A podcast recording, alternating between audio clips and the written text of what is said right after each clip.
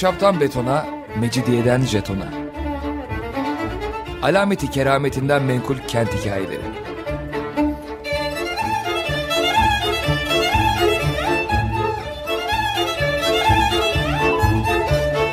Hazırlayan ve sunan Pınar Erkan.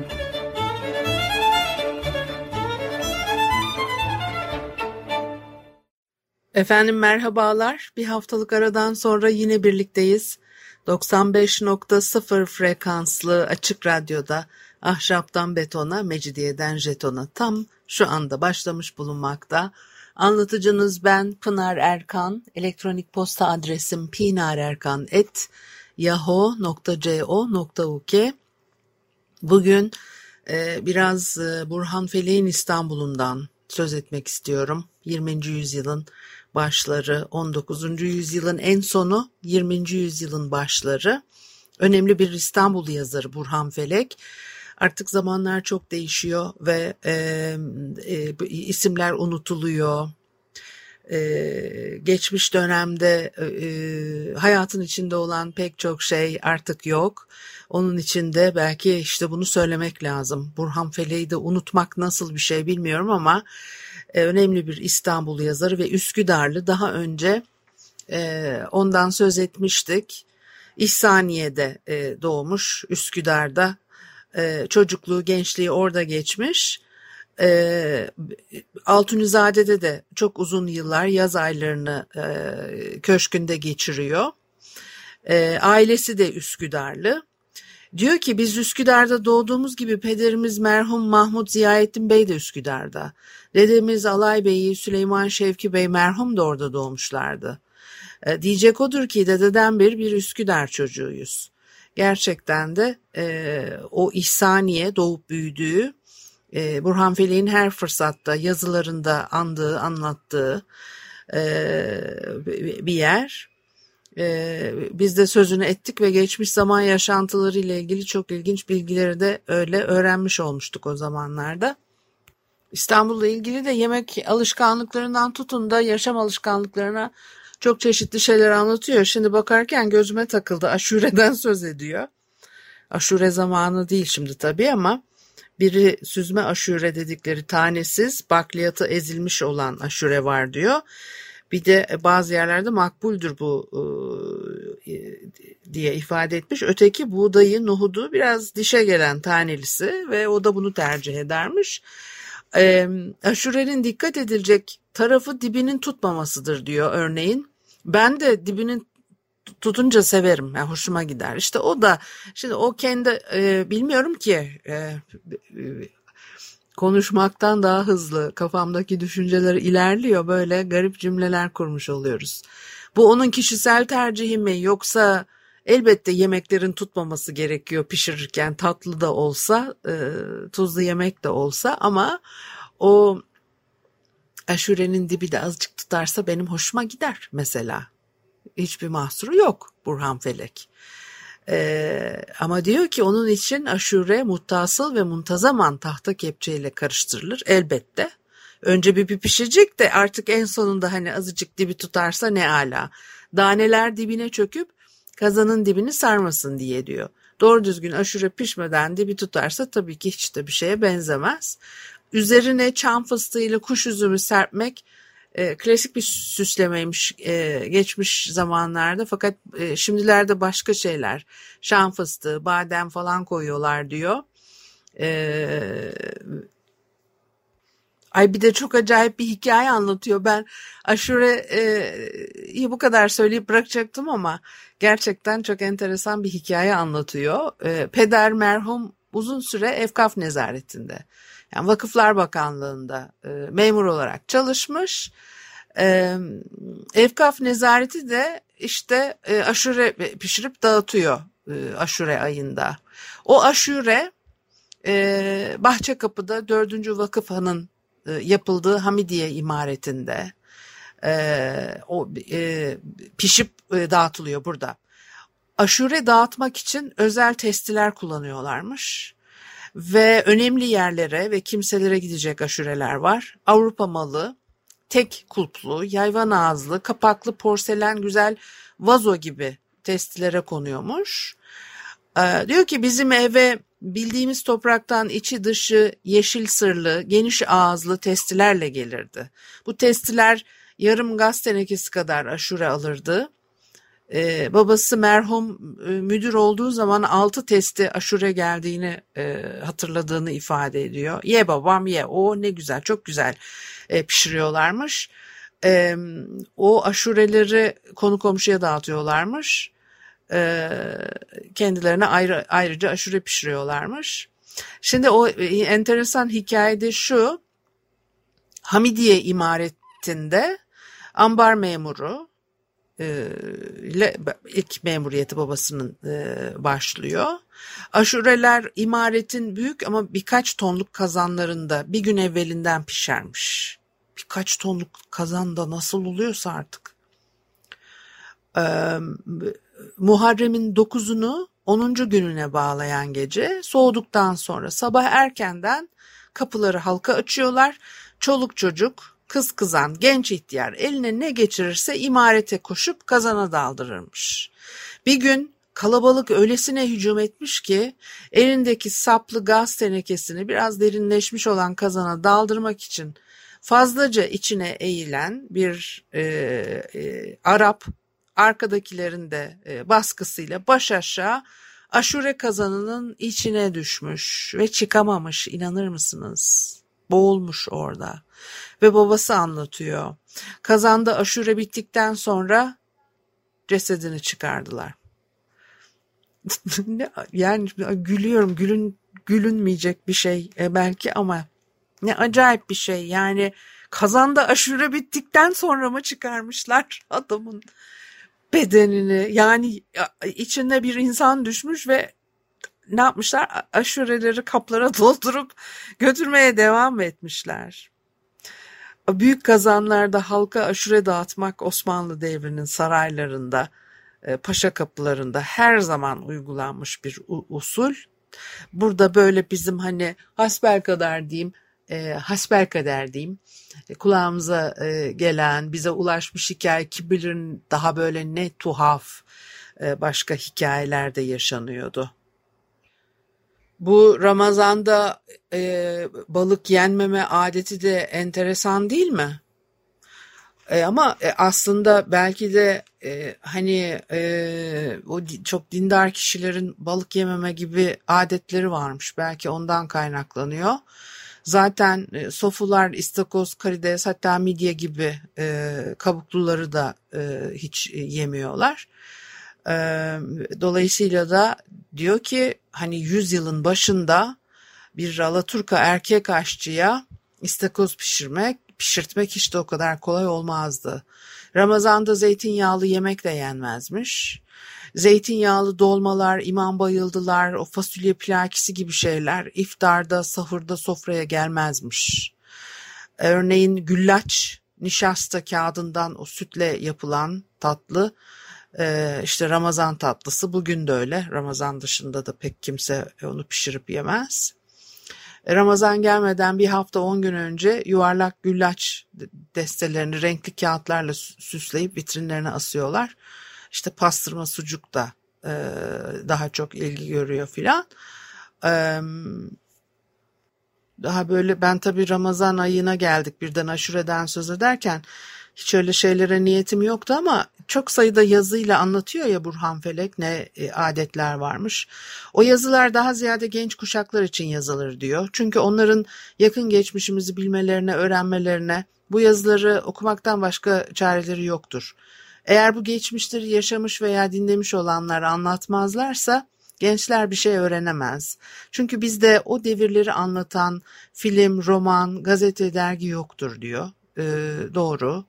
Ee, o, o kadar enteresan hikaye var. Hala bunlar e, işte çekilemiyor, film olamıyor, bir şey olamıyor. Ee, eski e, yazıları da yine onlardan söz etmiş e, oku, oku, okuyabilecek olanlar nerede bulacaklarını e, bilemezler filan diye. Dolayısıyla da kendisinin de bu yazdığı yazılarla o açıkları e, kapatmaya e, çabası içerisinde olduğunu söylüyor. 55 yaşından e, bu yana olan, yaşı 55 yaşından bu yana olan kuşaklara nazaran e, e, yazdıklarımızı e, yaşamış olanlar e, hayattadırlar çok şükür fakat çok azdırlar diyor. Onun için eski devir dediğimiz 70-75 yıl gerileri anlatma e, çabasına girişmiş. E, bu yazıları yazdığı zaman da 70'li yıllar düşünün bundan 60 sene öncesi filan. E, dolayısıyla işte şimdi biz de o görevi sürdürmeye çalışıyoruz aslında bakarsanız. Bir müzik arası verelim ondan sonra devam edelim. Efendim ahşaptan betona, mecidiyeden jetona devam ediyor Açık Radyo'da. Haliyle Pınar Erkan'ı dinlemektesiniz. Burhan Felek'in İstanbul'undan söz ediyorduk. O da bir yazı yazmış. 1950 ee, senesine ait bir yazı. Bir parça aktarayım mı size? Diyor ki Dolmabahçe Stadyumu'nun yanından Maçka'ya çıkan yeni yoldan bayıldım yokuşundan. Hiç geçtiniz mi? Etrafına gayet güzel park yapmışlar. Ee, ılgın denilen açık pembe güzel çiçekler dikmişler. Bunların önünü yanını da işpironya denilen beyaz çiçeklerle süslemişler. Gerçekten cennet gibi olmuş. Pazar günü bu yokuştan inen veya çıkan çoluk çocuk, kadın erkek, hemen herkes bu çiçekleri yoldu kopardı. Güya evini süslemek için bu bahçeyi yarı yarıya harap etti. Oradaki aciz bekçi kimseye söz dinletemedi. İşin fena tarafı birkaç kişi çıkıp da yapmayın yahu bunun güzelliği buradadır, bahçeleri tahrip etmeyin demedi, diyemedi. Bizde neme lazım zihniyeti hakim oldukça bu böyle devam edecektir. Hürriyet mefhumunun avarelik ve başıbozukluk olarak telakki edildiği, şehrin ve umumi bina ve envalin şehirlinin öz malı olduğunu herkesin bilmemezlikten geldiği bu günlerde artık bu işe başlamak bir zaruret, bir mecburiyet haline almıştır. Çünkü daha dün açılış resmi yapılan yeni bir çeşmenin 12 saat sonra musluklarını söküp leblebiciye satanlar bu şehrin çocuklarıdır. Çünkü otobüslerin, sinemaların, tramvayların ve vapurların deri kanepelerini jiletlerle kesenler başka memleketten gelmiş sabotajcılar değildir. Çünkü şuraya buraya yapıştırılmış her türlü siyasi renk ve manadan uzak reklam kağıdını yırtıp koparanlar gene bizleriz. Çünkü şehrin boş duvarlarına en iptidai edebiyatını yapanlar bizim evlatlarımızdır. Çünkü sokaktan geçen otomobile tüküren, taş diken, teneke atan, boyasını çizenler bizim yetiştirdiğimiz, yetiştirmekte olduğumuz yavrulardır. Bunları artık e, yadırgamadığını, garip karşılamadığını e, söylüyor. E, bahçeyi yoluyoruz, kabloyu koparıyoruz, kanepelerin derilerini kesiyoruz. E, e, bu, bu, bu medeni eser düşmanlığı demektir. Böyle bir adetin şehirli arasına e, yerleşmesi sadece zararlı değil, dünya nazarında ayıp da olur e, diye devam ediyor. Ee, e, şimdi tabii neler neler aklıma geliyor benim de e, bunları okurken. E, çünkü zamanlar çok değişti ve keşke her şey bu kadar basit ve masum kalsaydı. Şimdi artık bambaşka şeylerle muhatap oluyoruz. Şehir içerisinde karşı karşıya kalıyoruz. E, belki de kalabalık şehirlerin e, sıradan olayları e, olarak e, nitelendirilebilecek bu tür şeyler bugün bambaşka boyutlara ulaştı. Bir de ondan sonra yine 1950'lerin başında daha böyle çok görüşler, düşünceler var.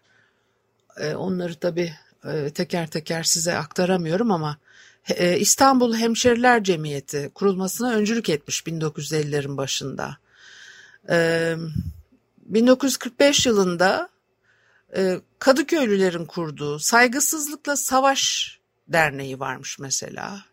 Ne diyor? Mesela neyi amaçlıyorlarmış? İstanbul'da belediye nizamlarını tanıtmak, bu nizamların uygulanmasında hem şehri yaşayışına sağlanması düşünülen karşılıklı faydaları anlatmak, nizamlara saygı göstermeye davet etmek, ve İstanbul şehrinde ileri medeni bir şehir topluluğu yaşayışının gerektirdiği o karşılıklı saygı adabını kökleştirmek, yaymak için e, çabalayacaklar. O derneğin e, kurulmasının arkasından e, Fahrettin Kerim Gökay, Sami Nafiz Tansu, Süheyl Ünver gibi pek çok tanınmış isim derneğe katılmış.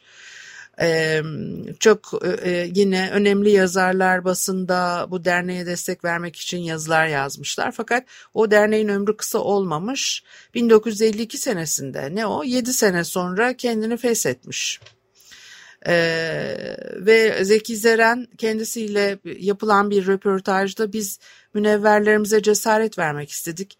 Ne yazık ki e, münevverlerimiz yani saygılılar saygısızlardan çekindiler e, ifadesini e, kullanmış.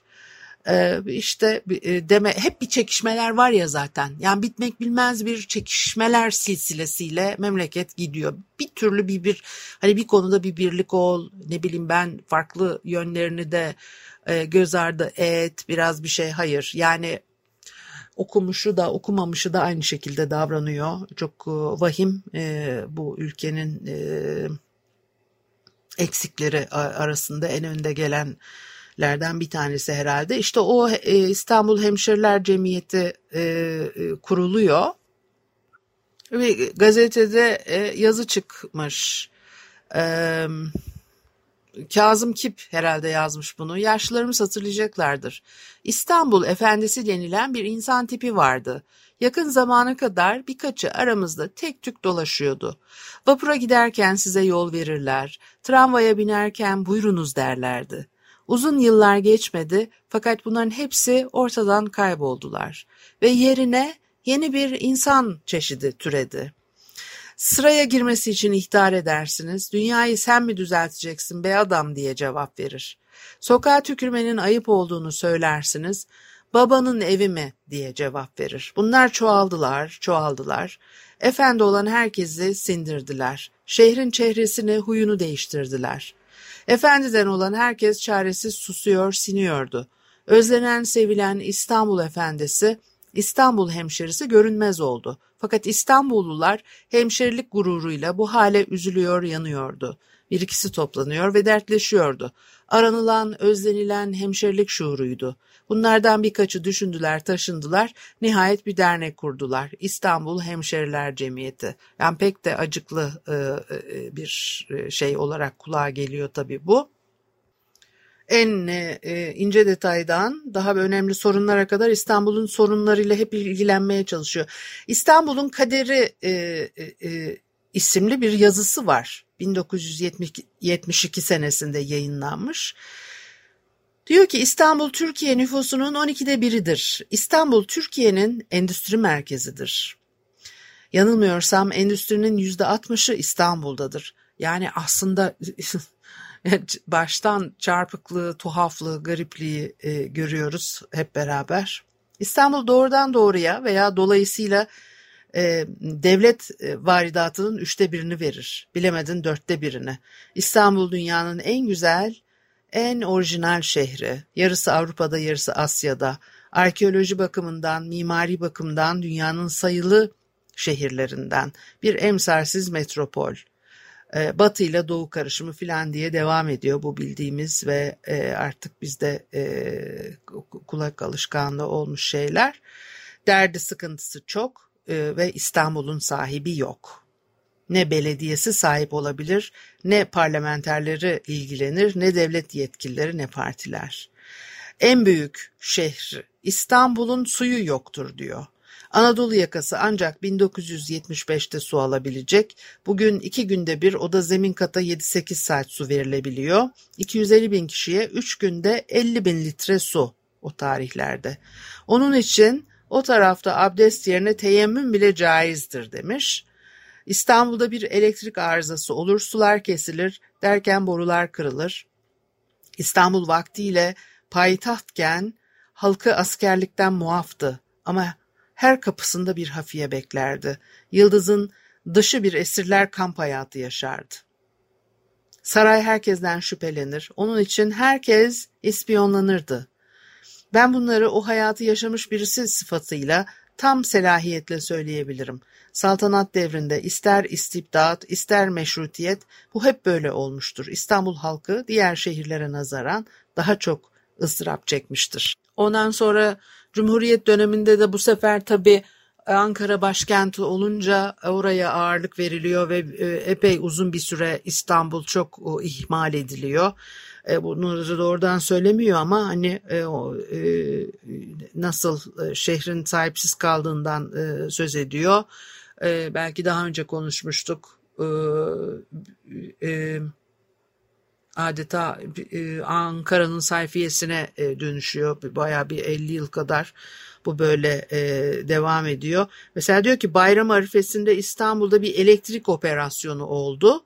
Bazı semtler 10 saat elektrik alamadı, fırınlar çalışmadı, halk ekmek bulamadı, hastanelerde operasyon yapılamadı, sular akmadı, kaloriferler yanmadı, ışıksız camiler kapandı ve elektrik arıza telefonu daima açık bırakıldığı için kimse derdini anlatamadı e, aradan bunca yıl geçmiş yine aynı şeyler e, arka arkaya elektrik kesintileri, su kesintileri bugün de yaşamaya devam ediyoruz.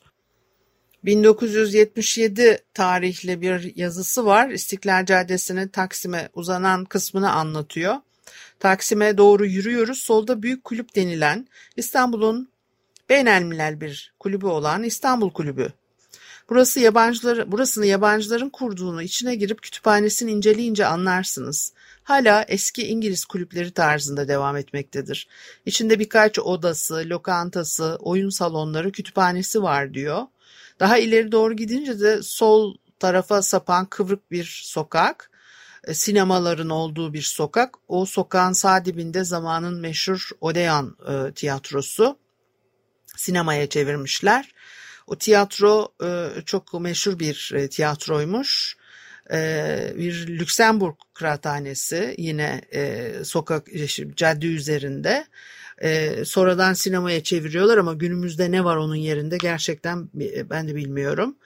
Ee, ve ondan sonra da so, daha ilerledikçe cadde üzerinde iki taraflı konaklar varmış. Diyor ki biz bunlara yetişemedik. Yalnızca sol tarafta Sakız Ağacı semtinin caddeye bakan kısmında meşhur A Camii bulunur. O cami Beyoğlu Caddesi'ndeki tek e, cami. Arkasına düşen yerde de Beyoğlu'nun meşhur iratlarından Rumeli Hanı e, bu han aynı zamanda bir e, geçit ve saltanat devrinin vezir müzerası Beyoğlu'nda oturmuyor. Fakat e, burada irat ediniyorlar. Nitekim Galatasaray'daki Hırsyakki e, pasajı Sadrazam Said Paşa'nınmış. Rumeli Hanı karşısındaki Anadolu Han Eğribozu Ragıp Paşa'nın. A Camii'ni geçince sol tarafta bir imam sokağı var. Bugün hala var. O sokak e, e, ikametgah alanı ve sol kolda en sondaki Kagir Güzel Konak e, İngiliz Hastanesi başhekimi meşhur doktor e, Zıgırdeos'a aitmiş ve o sokaktan sonra gelen Mis sokağından da e, e, sol baştaki bina eski Beyoğlu mutasarrıflığı binası. Ondan sonra da yerine işhanı yapıyorlar.